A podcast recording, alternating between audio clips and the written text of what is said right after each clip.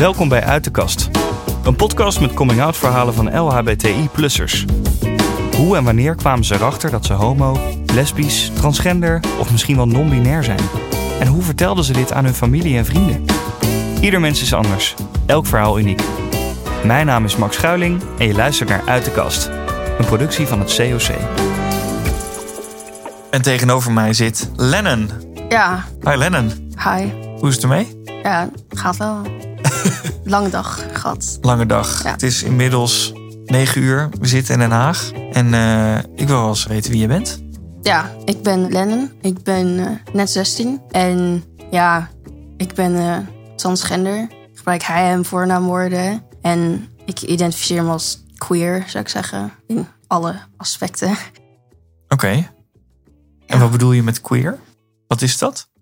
Ehm, ik denk dat queer was eerst een, een sleur. Ik weet niet helemaal het Nederlandse woord daarvoor. Zeg maar, het werd slecht gebruikt tegen mensen. Oh, het was een scheldwoord, Scheldwoord, bedoel je? van, ja, ja. tegen LHBTI mensen. En toen zijn zij, dus wij, het weer terug gaan claimen. In ieder geval het jongere gedeelte van de community. De oude community heeft daar nog wel vaker zeg maar, issues mee. Omdat het ook tegen hun veel meer is gebruikt, heb ik het gevoel. Ja, dus die hebben dus slechte gevoelens bij dat Ja. woord. Maar de jongere generatie heeft het meer omarmd, Ja. bedoel je? Oké.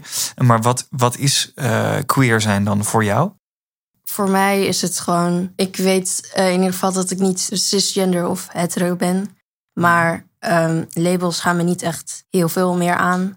Dus daarom kies ik voor de label queer. En het is een beetje zeg maar je tegenstellen tegen het idee van labels. Omdat ik weet dat dat bij mij niet echt heel erg van past. toepassing Nee. is. Nee. Maar je noemt jezelf transgender omdat Ja. je bent geboren in een meisjeslichaam. Ja. Maar je bent een jonge, Achtig iets. jongeachtige, Ja. jonge, jongensachtige queer. Ja. En ik zie een Mexicaans vlaggetje Ja, op je blouse. ja. mijn eh, vader die is eh, Mexicaans. En mijn moeder die is half Deens en half Nieuw-Zeelands. Zo, Dus- dat is ook een combi die je niet vaak tegenkomt. Dat hoor ik wel vaker. Ik vind het wel altijd interessant als ik terugkijk op eh, mijn familie.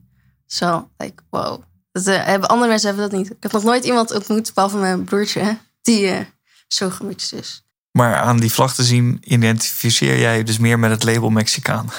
Ik identificeer me met, denk ik, ze allemaal. Ja. Maar ehm, mijn vader kreeg een vlag van de ambassade.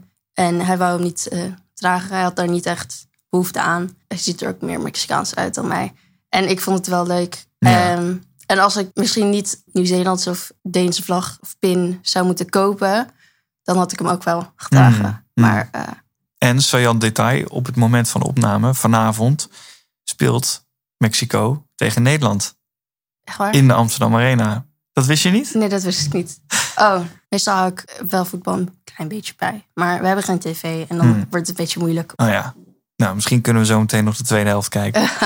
hey, waar begon dat voor jou? Het transgender zijn. Ik heb toen ik klein was, heb ik denk ik niet echt doorgehad dat ik iets was. Ik was een bubbly kind, gewoon een beetje overal nergens. En toen eh, ging het niet zo goed meer met mij. En nu ben ik weer rustig dat kind weer aan het worden. Maar dus als kind heb ik het denk ik niet echt helemaal doorgehad. En mijn ouders waren ook niet heel erg van je moet dit aandoen. Dus ik mocht gewoon zelf kiezen wat ik aan wou doen. Ik denk dat het van mijn kindertijd niet heel super duidelijk is geweest. Maar ik had wel toen ik volgens mij tien of misschien ietsjes ouder was, had ik opeens zo'n idee van ja, soms voel ik me gewoon heel. Nou, meestal voel ik me een beetje een stoer meisje. En dan soms wil ik gewoon die Japanse street style met heel veel roze en heel veel accessories en allemaal kleurtjes. Ehm, wat denk ik normaal als heel meisjesachtig wordt opgevat. Maar ik heb het gevoel dat dat gewoon een beetje mijn bubbly personality gewoon als een fashion style is. Ja. Maar toen ik het pas echt door had, was toen ik een vriend van mij ontmoette. Die was ook trans. En toen begon ik er pas over na te denken. Toen was ik van, wacht, dit is een mogelijkheid. En toen best wel snel dacht ik van, oh ja, dit, Dit is het wel. dit is het wel. Ja, en hoe lang is dat geleden? 13, ik was 13. Je Dus was net 13 jaar. Dus dat is nu vier jaar geleden ongeveer. Nee, drie. Want ik ben nu jaar. 16. En tot die tijd was je dus bezig met allerlei verschillende dingen dragen. Je was niet- je was niet heel erg bezig met je gender, om het zo te zeggen. of Ehm, heb je wel ook gevoeld dat, er- dat er iets anders was? Toen ik aan de puberteit begon, was ik niet heel blij. Maar ik had het niet door dat dat door transgender zijn kwam. Ik dacht dat dat gewoon onzekerheid was. En toen klikte het opeens en toen was ik ook gelijk veel minder onzeker. Toen ik ook uit de kast kwam. Ja, ik had nog genderdysforie en, en dat is niet zo leuk. Maar van dat onzekerheid kwam ervan van... oh ja, ik ben niet een goed meisje, ik ben niet dit, ik ben niet dat. En toen besefte van, oh wacht, dat hoeft helemaal niet. En toen realiseerde ik me dat. En toen was dat Ja. gewoon, dat voelde heel goed, zeg maar. Ja. Ja. Dat is echt een bevrijding. Ja. Dus tot drie jaar geleden had je eigenlijk nog niet over gehoord dat dat überhaupt een optie was. Ik heb er in ieder geval niet herinneringen aan. Mijn moeder heeft wel gezegd dat ze het met mij erover heeft gehad. Ik heb wel LHBTI-mensen in mijn leven gehad en zo. En dat was ook gewoon normaal voor mijn ouders en zo. Mhm. Maar specifiek trans mensen waren er volgens mij niet. Die vriend van mij was de eerste. Dus jij ontmoette die vriend. Die was op dat moment al uit de kast als transgender. Volgens mij was hij toen nog niet uit de kast als trans, maar was wel uit de kast als volgens mij biseksueel. En daar hebben we ook over gehad. En ik denk dat hij ook een beetje mijn sexual awakening was, als het zo kan zeggen. Van ik had ervoor een vriendje.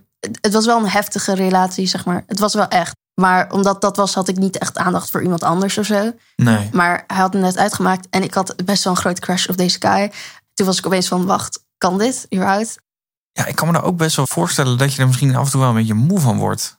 Om er nou de hele tijd duiding aan te geven. Ik bedoel, je bent transgender, maar je eh, valt ook op jongens. En je expressie is queer, om het zo te zeggen. Dat zijn eigenlijk drie coming-outs. Dat is waarom ik denk dat ik queer best wel leuk vind. Mensen snappen het misschien niet, dus dan zeg ik gewoon rustig van... ja, ik ben queer, alles valt eronder. Daar deal je maar mee. Als je niet weet wat het is, zoek je het maar op. Ik ben er inderdaad best wel moe van. En daarom, dat is een beetje mijn oplossing. Ja. En misschien ook gewoon minder met mensen omgaan... waarvan ik denk van, oh, die snappen het misschien niet even snel. Ik denk dat wel in de weg zit voor zeg maar nieuwe mensen ontmoeten. Dat is, vind ik ook gewoon een beetje eng. En wanneer was jouw eerste coming-out? En als wat? Ja, ehm, ik denk dat dat rond december van het jaar dat ik die vriend ontmoette. I mean, tegen hem ben ik soort, denk ik eerder uit de kast gekomen. Maar ik ben in december denk ik bij mijn moeder uit de kast gekomen als biseksueel. Omdat ik wist dat ze dat, ze dat wel oké vinden. Ik, vond, ik was nog steeds wel bang, maar ik vond het ook oké. Dus dat is eigenlijk gewoon Ja. gegaan hoe ik dacht dat zou gaan. En de rest van mijn coming out zijn minder echt zo dat ik ga zitten van ik moet je iets vertellen, maar meer geweest van in discussie over bijvoorbeeld transgender zijn of non-binair zijn. Ik ben eerst uit de kast gekomen als non-binair. Van oh ja, weet je wat dat is? Wat vind je ervan? En dan langzamerhand zo over meerdere weken of zo. En dan uiteindelijk zeg van ja, ik vind het wel interessant. Ik denk dat ik daarover na ga denken. En dan, Ja, en dan ja. uiteindelijk was het van oh ja, ik heet Lennon. En eigenlijk wil ik dat je hij hem voor nou worden gebruikt. Ja. Eh, Dus je hebt het er eigenlijk bijna een beetje ingemasseerd Ja. bij mensen. Behalve bij mijn vrienden. Bij mijn vrienden was het in één keer van... Oké, iedereen gaat zitten. Ik moest jullie iets vertellen. En toen heb ik Ja. zo verteld. En toen was van... Ja, dat dachten we al. En eh, toen was het... Dat was het einde ervan, zeg maar. En waarom was het dan anders bij je vrienden dan bij je familie? Ik denk dat ik bij mijn familie er minder zeker van was dat ze het oké zouden vinden. En ik denk dat ik ook meer belangrijk vond dat ze het oké zouden vinden. En bij mijn vrienden was ik zo van: oké, ik doe het in één keer. Ik kwam uit de kast bij hun later dan bij mijn ouders. Dus ik was Ja. er al een beetje aan gewend. En mijn attitude was zeg maar: oké, maar ik heb wel andere vrienden als jullie er niet oké mee zijn. Mhm. En wat was het moment dat je als transgender uit de kast kwam bij je ouders? Dat eh, was dus geleidelijk. Maar dat was nog steeds in hetzelfde jaar, denk ik. Lente, volgens mij. Mhm. En dan in de zomer had ik gezegd, ik wil dat ik Lennon genoemd wor- worden. En dan een jaar later dat ik die vriend had ontmoet, was ik op school ook eh, uit de kast gekomen en hebben ze mijn naam veranderd. Later in dat jaar dacht ik van, oh nee, mijn voornaamwoorden zijn eigenlijk hij, hem. Blijkbaar zijn er nog steeds mensen die dat niet eh, weten. Dat heb ik blijkbaar niet heel goed gecommuniceerd. Nee. Ehm, En hoe reageerde je familie daarop? Ehm, mijn vader kan ik me niet meer herinneren. Dus ik denk dat hij er waarschijnlijk gewoon oké bij was. Maar mijn moeder, die had wel een beetje een andere reactie. Zeg maar, ze had er twijfels erover. Ik denk dat ze een beetje dacht dat ik er heel erg op focuseerde om weg te rennen van mijn andere problemen. Dat is een beetje hoe ze het soms zegt. Ik dacht dat ze er allemaal eigenlijk wel oké mee zou zijn. En dat kwam dus een beetje als een schok. In mijn hoofd kwam dat dus over als dat ze het niet helemaal geloofden. Ehm, dat is nu wel gewoon weer goed. Ehm, ik ben wel een beetje bang dat ze dit niet luistert. Want ik heb haar niet verteld dat ik me nu meer identificeer als queer. Van toen ik uit de kast kwam als zeg maar trans jongen, zei ze van ja, ik vond non-binair toch een beetje beter bij je passen. En nu komt het weer toch een beetje daarbij terug. En denk ik Ja. van, oh ja, je, was, je had gelijk. Maar ik wil niet zeggen dat je gelijk had. Nou, mam, als je luistert, Ja, sorry, je had gelijk. Beetje gelijk. Niet beetje gelijk. Ja, er is niks ergs aan dat je kind gewoon een beetje onderzoek doet over hun gender, hun genderexpressie, hun seksualiteit. Ja. Daar is niks ergs aan en er gebeurt niet gelijk iets. Ik zou gewoon niet zo reageren. Ik zou meer zeggen, ook al als je niet helemaal gelooft, dan zou ik iets zeggen van: ik moedig je aan om dit verder te onderzoeken. Of Ja, zoiets. precies. En eigenlijk wil je dat daarbij ook zeggen van... eh mama, als je mij niet gelooft, vertrouw dan in ieder geval dat als ik in transitie ga... dat er heel veel mensen zijn die er verstand van hebben... Ja. en die mij er wel klaar voor Ja. vinden. Ja, inderdaad. Ik snap wel dat ze overbezorgd was. Ik denk Hm. dat veel moeders en ouders gewoon Ja, bezorgd zijn. Dus zij is bezorgd over dat je de juiste stelling hebt ingenomen... of dat je in het juiste zaakjes vakje zit nu. Maar heeft zij er verder problemen mee dat je anders bent... dan cisgender heteroseksuele vrouw? Nee. Ik denk dat ze normale bezorgdheid heeft van, oh ja, maakt het wel niet heel erg voor jezelf. Maar ehm, ik denk ook niet dat ze verwacht dat ik het niet zo erg voor mezelf zou maken. Ik weet niet, ik eh, ben denk ik een beetje geboren in een moeilijke, in een moeilijke wereld. Ook gewoon, zeg maar, ten eerste als een mixed persoon. En daarbovenop niet alleen, zeg maar, mixed, eh, maar ook mixed met iets wat niet eh, wit is. Dan, daar krijg je dan ook problemen mee. Mhm. In Nederland is dat. Ik zou niet zeggen dat het minder erg is, maar ik zou zeggen dat het minder erg is voor Latijns-Amerikaanse mensen. Ik ben heel blij dat ik niet in Amerika woon, zeg maar. Mhm. Maar ik word heel vaak gezien bijvoorbeeld als gewoon buitenlander en dan zeggen ze Marokkaan of Turk. Terwijl in mijn hoofd lijk ik daar niet echt op. Ik weet niet, ik zie het niet echt als moeilijk. Ik zie dat ik nu doe ik wel moeilijk. Van nu doe ik van, oh ja, queer. En ik weet dat ik in transitie wil en zeg maar als jongen een beetje eruit wil zien. Maar ik wil me niet heel erg masculine, zeg maar, uiten. Ik wil een Ja. beetje gemixt, Ja, andro, ja. uh, androgynous uiten. Nu maak ik het wel heel moeilijk voor mezelf, maar... Nee, ik snap wat je bedoelt. En misschien juist omdat we nu deze podcast ook aan het maken zijn over uit de kast komen, dan zijn die hokjes natuurlijk die zijn super aanwezig. Terwijl misschien inderdaad voor jou is het helemaal niet zo duidelijk ingedeeld nog. Behalve Nee. dan dat je wel weet dat je in ieder geval een jongen wil zijn. ja, jongenachtig. Jongen. Iets of zo. Ik wil, ik wil hij hem voornaamwoorden gebruiken. Dat weet ik wel. En ik wil een mannelijk ehm, lijf. Ja, precies. ja, ja, ja, Dus ja. ja, ik weet niet. Ik denk dat er op een manier in mijn hoofd of zo zitten er veel slechte dingen aan man zijn of zo. En dat dat mij misschien onzekerheid geeft of zo. Dat weet ik niet. Of misschien is het gewoon het idee dat ik in een hokje moet passen. En dat vind ik niet zo leuk. Ja. Dus dan zeg ik maar queer van, zeg van, oh ja, dan hoef ik niet meer. Ik denk misschien dat ik niet de sterkte heb om me nog steeds als jongen te identificeren. En niet in het hokje wat mensen Ja, als want, jongen want heb je dan het gevoel dat omdat je van zeg maar een vrouwelijk lichaam naar een jongenslichaam gaat, dat je dan ook een echte man moet zijn? Ik weet niet of dat in de buitenwereld zo erg is. Ik denk Mhm. het, dat het eigenlijk gewoon hetzelfde is als voor zeg maar, iedere man, zou ik zeggen. Mhm. Maar binnen de trans community ook zijn er bepaalde YouTubers en zo die heel erg dat toxic masculinity zeg maar uiten en op andere mensen en dus jonge kindjes zeg maar Mhm, kindjes zeg maar die mhm. 13 zijn weet je en dat had ik meegemaakt en ik denk dat dat nog in mijn hoofd zit zeg maar En dat ik, toxic masculinity, dan bedoel je dus het mannenbeeld, zeg ja, maar. dat je geen roze mag dragen of ietsjes langer ja, ja, haar mag hebben of Ja, YouTubers, ja, dat zijn echt jouw voorbeelden. ja vroeger wel ja nu minder maar vroeger wel en dat had dus wel een erg impressie op mij en dus En, dat en ook andersom. Dus niet Andersom. alleen over mannelijkheid, maar ook over vrouwelijkheid. Ik weet niet of het voor vrouwen vrijer is, maar ehm, het is niet voor vrouwen vrijer, dat kan ik wel zeggen. Maar ze mogen wel, zeg maar, broeken dragen en zo. Mhm. En mannen mogen geen rokken dragen.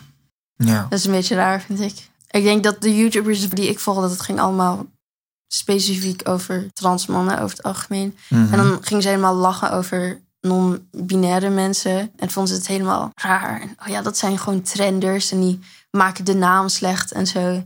Heeft dat invloed gehad op het beeld van jezelf? Als je non-binair zou zijn, zou je dat dan durven zijn? Ja, nou, ik ben dus wel eerst uit de kast gekomen als non-binair. Dus eh, ik zou zeggen, ik durf het wel. In ieder geval, het idee wat ik eerst had bij non-binair... wat ik denk ook voor een groot deel gevormd Mhm. is door die guys... en ook gewoon het algemeen internet... ik weet dat ik daar in ieder geval me niet mee identificeer. En ik ben dus meer identificeer met het idee van jongen. Een jongenslijf. Ja. Wat doe jij nu eigenlijk om je jongensachtig te voelen? Ik sta ingeschreven bij de VU, maar het wachtrij is heel lang. En de corona is die nog langer. Dus ik weet niet wanneer dat gaat gebeuren. Verder, ik heb een soort van kort haar. En ik draag nu een binder. Een binder is zeg maar een eh, top die je zeg maar borsten naar beneden duwt. En dan Mhm. is het minder zichtbaar. Oké. Die heb ik voor de zomer gekregen of zo. Mhm. En daar voel ik me heel, heel fijn bij. En daarvoor zat ik denk ik heel vaak met een overgebogen rug en hele baggy kleren. Als ik erop let, dan ga ik wel gewoon recht zitten. En dan voel ik me daar oké bij. En ik denk dat het, dat het belangrijkste is, zeg maar, dat ik... En ik ben meer aanwezig in het leven. Want ik denk dat een van mijn strategieën om om te gaan met mijn genderdysforie... En genderdysforie is dat je... dat je je oncomfortabel voelt met de gender die je aan is gewezen bij je Geboorte. geboorte. Ah, Ja. ja. Op wat voor een manier dat is. Als het lichamelijke, geestelijke of sociale. Zeg maar, Mhm. sociaal is hoe mensen je zien. Geestelijk is als je brein iets zegt. en Zo. En lichamelijk is gewoon aan je lichaam. Ik denk dat mijn manier om daarmee om te gaan was om gewoon niet helemaal aanwezig te zijn. En niet te denken van dit is mijn lijf. Maar gewoon te denken, mijn hoofd is hier en verder besta Wat er daar van beneden gebeurt en Dat alles, dat gaan we gewoon niet. op letten. Ja, maar ik heb ja. het gevoel dat ik nu meer aanwezig ben in mezelf. En dat voelt heel goed. Ja. ik, ja. En als jij nu eh, nieuwe mensen ontmoet, hoe doe je dat dan? zeg maar bijvoorbeeld met werk, dan zeg ik het gelijk. Omdat bij mijn eerste werk had ik het ook gelijk gezegd. Ik had niet gezegd dat ik trans was, maar ik had wel gezegd dat ik Lennon heette en hij hem voornaamwoorden gebruikt. Dat hebben ze helemaal niet gedaan. En toen was ik van, oké, ik moet dit echt sterker gaan zeggen. Ze hebben dat helemaal niet gedaan. Ja, ze hebben gewoon, ik weet niet, het is vergeten of zo. Ehm, Oké. En eh, dat was niet zo leuk. Maar toen bij mijn tweede werk heb ik het heel duidelijk gezegd. Daar werk ik nog steeds. En daar doen ze wel chill erover. En wat voor werk doe je? Ik ben nu bezorger. Voor De, een, eh, de Spaanse moeder. de Spaanse moeder. De Spaanse moeder. Kijk aan. in de Molenstraat 42. Ehm, het is heel lekker eten. Oké. Ja. Je zit gewoon schaamteloos reclame te maken Ja. hier in de podcast. Nee, ik ben eh, gewend om dat gelijk te zeggen. Dus, eh, Oké. Maar Spaanse mama, lekker eten. het is, wel, het is echt lekker eten. Oké, zeg fijn. maar. Maar daar, volgens mij weten de meerderheid van de werknemers niet ehm, dat ik hij hem voornaam gebruikt. Maar ze weten in ieder geval dat mijn naam Lennon is. En niemand gebruikt mijn oude naam. Er zijn Nee. volgens mij ook maar twee mensen, gewoon mijn bazen, die kennen die naam. Ja. Maar de rest kent de naam gewoon niet. En het staat alleen op mijn loonstuk en zo. Maar verder noemt iedereen gewoon Lennon. En mensen die er langer hebben gewerkt eigenlijk, die zeggen dan hij hem tegen mij. Mhm. En de me- nieuwe mensen ben ik nog niet uit de kast gekomen. En de an- mijn andere collega's wel hij hem zeggen dat ze het misschien al doorhebben. Of misschien Ja. niet. Ik weet niet. Ik weet gewoon niet. Vind je het lastig? Ja, ik vind het niet heel leuk om uit de kast te komen elke keer weer. Ik wens een beetje gewoon dat mijn stem misschien wat lager was. Omdat ik denk dat veel mensen, als ze me gewoon op eerste instantie zien, dan denken ze jongen. En dan praten ze eerst, oh nee, het meisje. Oh ja. Ehm, en dat is een beetje irritant. Dus als ik voor nu één ding kon krijgen, wou ik gewoon ietsjes lagere stem. Zodat mensen niet gelijk zouden denken. Of zou- dat alle mannen gewoon hoger gaan praten. Dan is het probleem ook dat is het opgelost. probleem ook opgelost. Ja. En, en met nieuwe mensen, ik denk dat ik in heel erg veel spaces zit. Ik denk dat ik geluk heb om in spa- spaces te zitten waar het oké is om queer te zijn. Mhm. En daar vraagt ze dus bijvoorbeeld ook voor voornaamwoorden. Mhm. Of dat ik het gevoel heb van oké, ik kan wel me introduceren met voornaamwoorden. Mhm. Bijvoorbeeld als we een voorstelrondje hebben of zo, dan zeg ik van ja, mijn naam is Lennon en ik gebruik hij hem voornaamwoorden. Oké. Ja. Wat voor reacties krijg je doorgaans? Ik denk dat ik over het algemeen ook weer in kringen zit waar ze, als ze er iets van vinden, dat ze het niet tegen je gezicht gaan zeggen. Ik had ooit zo'n say at me. Dan kunnen mensen anoniem dingen tegen, je zeggen. Dat ging niet zo goed. Dus toen heb ik hem ook verwijderd. En wacht even, dat moet je even uitleggen. Een say at me? Ja, ehm, het was zo'n hele trend dat mensen zeg maar anoniem dingen tegen je konden zeggen. Ja. Je had daar allemaal websites voor. Eh, en ja, Een website, daar upload je dan een foto en dan kunnen mensen gewoon dingen over je zeggen, tegen je zeggen? nou, je hebt zeg maar in je Insta een link. Ja. Ehm, In je bio. bio, ja. En dan klikken je vrienden of de mensen die toegang hebben tot je Instagram, die klikken daarop en dan kunnen ze iets zeggen. En dan reageer Maar anoniem? Of, eh, Ja, dus gewoon, ze kunnen ook zeggen of met een emoji of zo en dan weet je wie het is of zo. Maar eh, dat Maar- weet je niet altijd. Waarom zou je dat willen? Het was een trend. Eh, ik dacht, het was wel grappig. though. Sommige mensen zeiden wel grappige dingen. Er was één jongen die zei dat hij wou dat ik hem pijpte. Dat was heel raar. Dat is heel raar. Ik was van, waarom gebeurt dit? Maar er waren dus ook mensen die zeiden dat ik een gore transgender was. En toen was ik van, oh, dit ga ik verwijderen. En ik ga mijn Hmm. account weer op private zetten. Dit, eh, daar heb ik geen zin in. Nee, dat Maar kan ik me verder- voorstellen. apart dat ik wel gewoon een paar vrienden heb die me niet echt hij hem noemen. En ik heb ook niet het gevoel dat ze er moeite voor doen. Maar daar doe ik dan ook niet heel vriendelijk mee, zeg maar. Dan corrigeer ik hen en ik praat gewoon niet heel erg met hen. Ze zijn meer kennissen dan vrienden. Ja, ja, ja. En dan heb ik familie of familievrienden die op familieleden bijna lijken. Ja, Die houden zich er ook niet altijd evenveel aan. Maar daar leef ik een beetje mee, Ja, denk ik. ja. En, en ik blijf gewoon in de kringen waar ik weet dat ik wel geaccepteerd waar je word. veilig bent, zeg maar. Ja, waar ik veilig ben. ja. Krijg je wel eens vervelende reacties? Ja, dat dus niet omdat ik. Buiten dat eh internetschavot waar je jezelf eh, Ja, voor had opgegeven. ja, daarbuiten heb ik het niet echt het gevoel dat ik negatieve reacties krijg. Omdat ik uit de weg blijf van plekken waar ik negatieve reacties kan krijgen, Mhm. soort van. Mhm. En omdat ik zit op een christelijke VWO. En ik heb het gevoel dat op het VWO wordt er veel minder vaak dingen tegen je gezicht gezegd. Dus tegen mijn gezicht krijg ik niet echt slechte reacties. Er was ooit iemand die blijkbaar had gezegd dat, ik, dat ze niet wou dat ik er aanraakte. Mhm. Toen ging ik gewoon expres haar aanraken. Zeg maar inbots in de gang en zo. Mhm, mhm. Maar verder niet echt. Maar ik denk dat dat is omdat ik me gewoon niet daaraan blootstel. Soort van. Nee, oké. Als corona over is, wil ik graag beginnen met uitgaan. Maar daar ben ik ook bang voor. Ik weet niet wat er gaat gebeuren. Nee. Hey, wat heeft jou uiteindelijk het meeste geholpen om uit de kast te komen? Die ene vriend en het internet, denk ik. Het liet me weten wat al de opties waren. Mhm. En je kan er ook gewoon tips vinden en zo om hoe je uit de kast kan komen. En zo. En waar vond je die tips dan allemaal? Op eh, Instagram pages en eh, YouTube en sommige websites. Eh, maar ik weet niet echt welke websites meer. En wat voor tips kom je dan tegen? Dat je dus eerst test the waters als je het niet helemaal zeker weet. Dus dat je eerst gewoon kan kijken hoe erg je ouders of je vrienden er oké mee zijn of niet. Oké, dat vertelde je al eerder. Van, Ja. eh, wat zou je hiervan vinden? Ja, of praten van, oh ja, zag je die parade? Of dat je over een celebrity gaat praten die, die gay is of trans of zo. Ja, dus dat is een goede tip. Test the waters. Ja, En wat nog meer? dat weet ik niet echt. Ik denk dat ik nooit echt er heel bang voor was dat mijn ouders dus het niet oké zouden vinden. Ik was wel bang dat de rest, zeg maar, mijn extended family, dat zij het niet oké zou vinden. Maar ik ben niet voor hun uit de kast gekomen. Mijn ouders gedaan. Oké, jouw ouders hebben aan de rest van je familie verteld Ja, hoe het zat. dat is niet eh, mijn keuze. Maar bij, de, eh, bij mijn vaders kant heeft mijn vader het gewoon gezegd. Zonder enige aankondiging. Zonder enige aankondiging. Mhm. Dat vond ik niet zo leuk. En met mijn moeder had ik ook gezegd van... ik wil het zelf doen. En had ze gerespe- gerespecteerd. Maar had ze één keer per ongeluk Lennon gezegd tegen mijn oma. En toen moest ze het helemaal uitleggen tegen mijn oma. Van mijn oma was er van Lennon. Wat, wat is dat nou? Ehm, wie is dat? En toen heeft moeder het helemaal uitgelegd van... ja, sorry. Maar mijn oma was er helemaal oké mee. Oké, Ja, ze heeft blijkbaar wel een tijdje gedacht dat mijn naam Leonard was. Maar verder was ze er wel gewoon is toch ook leuk? ja. Ik denk dat ze het niet helemaal snapte, maar ze noemde me wel gewoon Lennon en hij en zo. Hoe kom je eigenlijk op de naam Lennon? Ehm, het stond op een Insta-pagina met gender-neutral namen. Ik vond het wel leuk en ik wou het uitproberen. En nu, ik weet niet, zit ik er vast mee of zo? Oh, ik had zo gehoopt dat het eh, wat met John Lennon eh, te maken had. Ja, dat denken meerdere mensen. Ik heb ook een ronde bril, dus Ja, vaak- daarom. Ja, Je kwam binnen. Ik dacht, nou, dat is een, een grote Beatles-fan.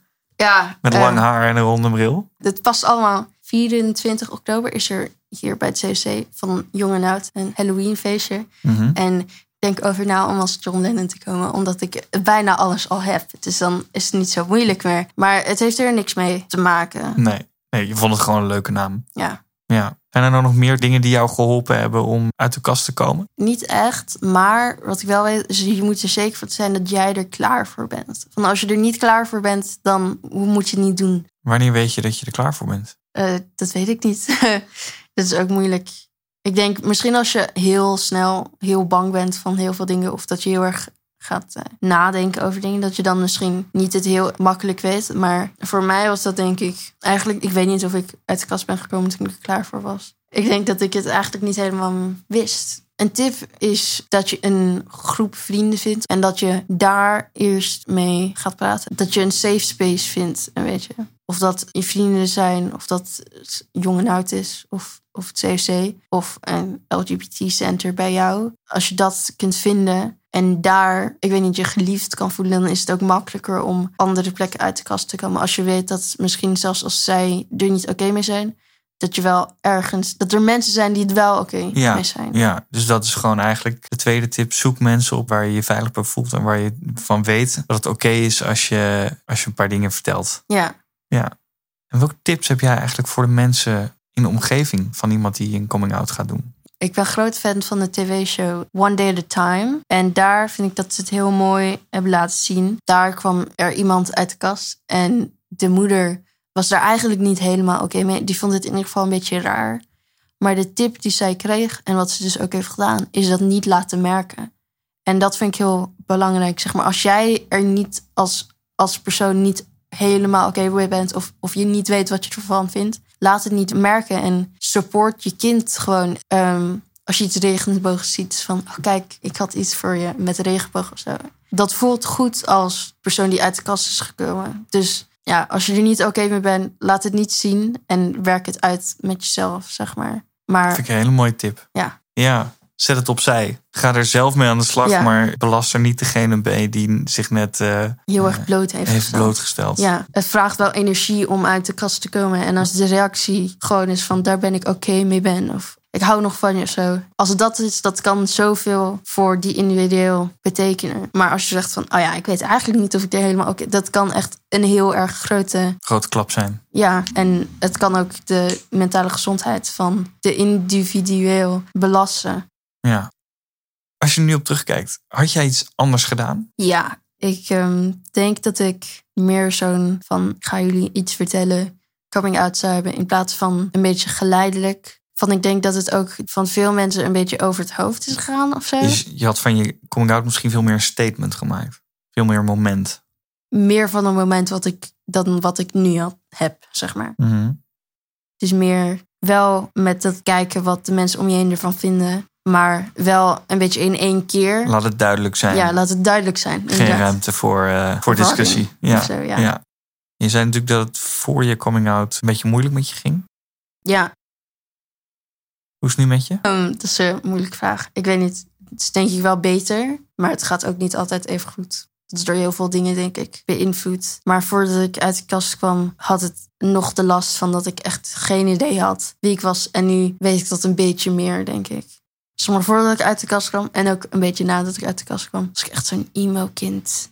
Maar die alleen maar zwart droeg en heel depressieve gedichtjes schreef en zo. Mhm. Maar het was niet omdat ik dacht dat het edgy was. Het was echt omdat ik me zo voelde. Mhm. Soms kijk ik terug op die tijd en dan denk ik echt van... Ik kan me gewoon niet voorstellen dat ik me zo voelde. Dat is nu... Ik weet niet of het minder is, maar het is in ieder geval op een andere manier. Mhm. Ik heb hoop, denk ik. En dat had ik toen echt niet. En ik denk dat het uit de kast komen op een manier me hoop heeft gegeven. Het liet me gewoon meer mezelf voelen en dat gaf me hoop. Of zo. Dus ja, Heel erg bedankt voor dit eh, bijzondere gesprek, eh, Lennon. dank je wel. Bedankt voor het luisteren. Dit was Uit de Kast. Een productie van het COC, de Nederlandse Belangenvereniging van LHBTI-plussers. Ben je fan van Uit de Kast? Laat dan een rating achter, zodat meer mensen de podcast kunnen vinden. Tot de volgende!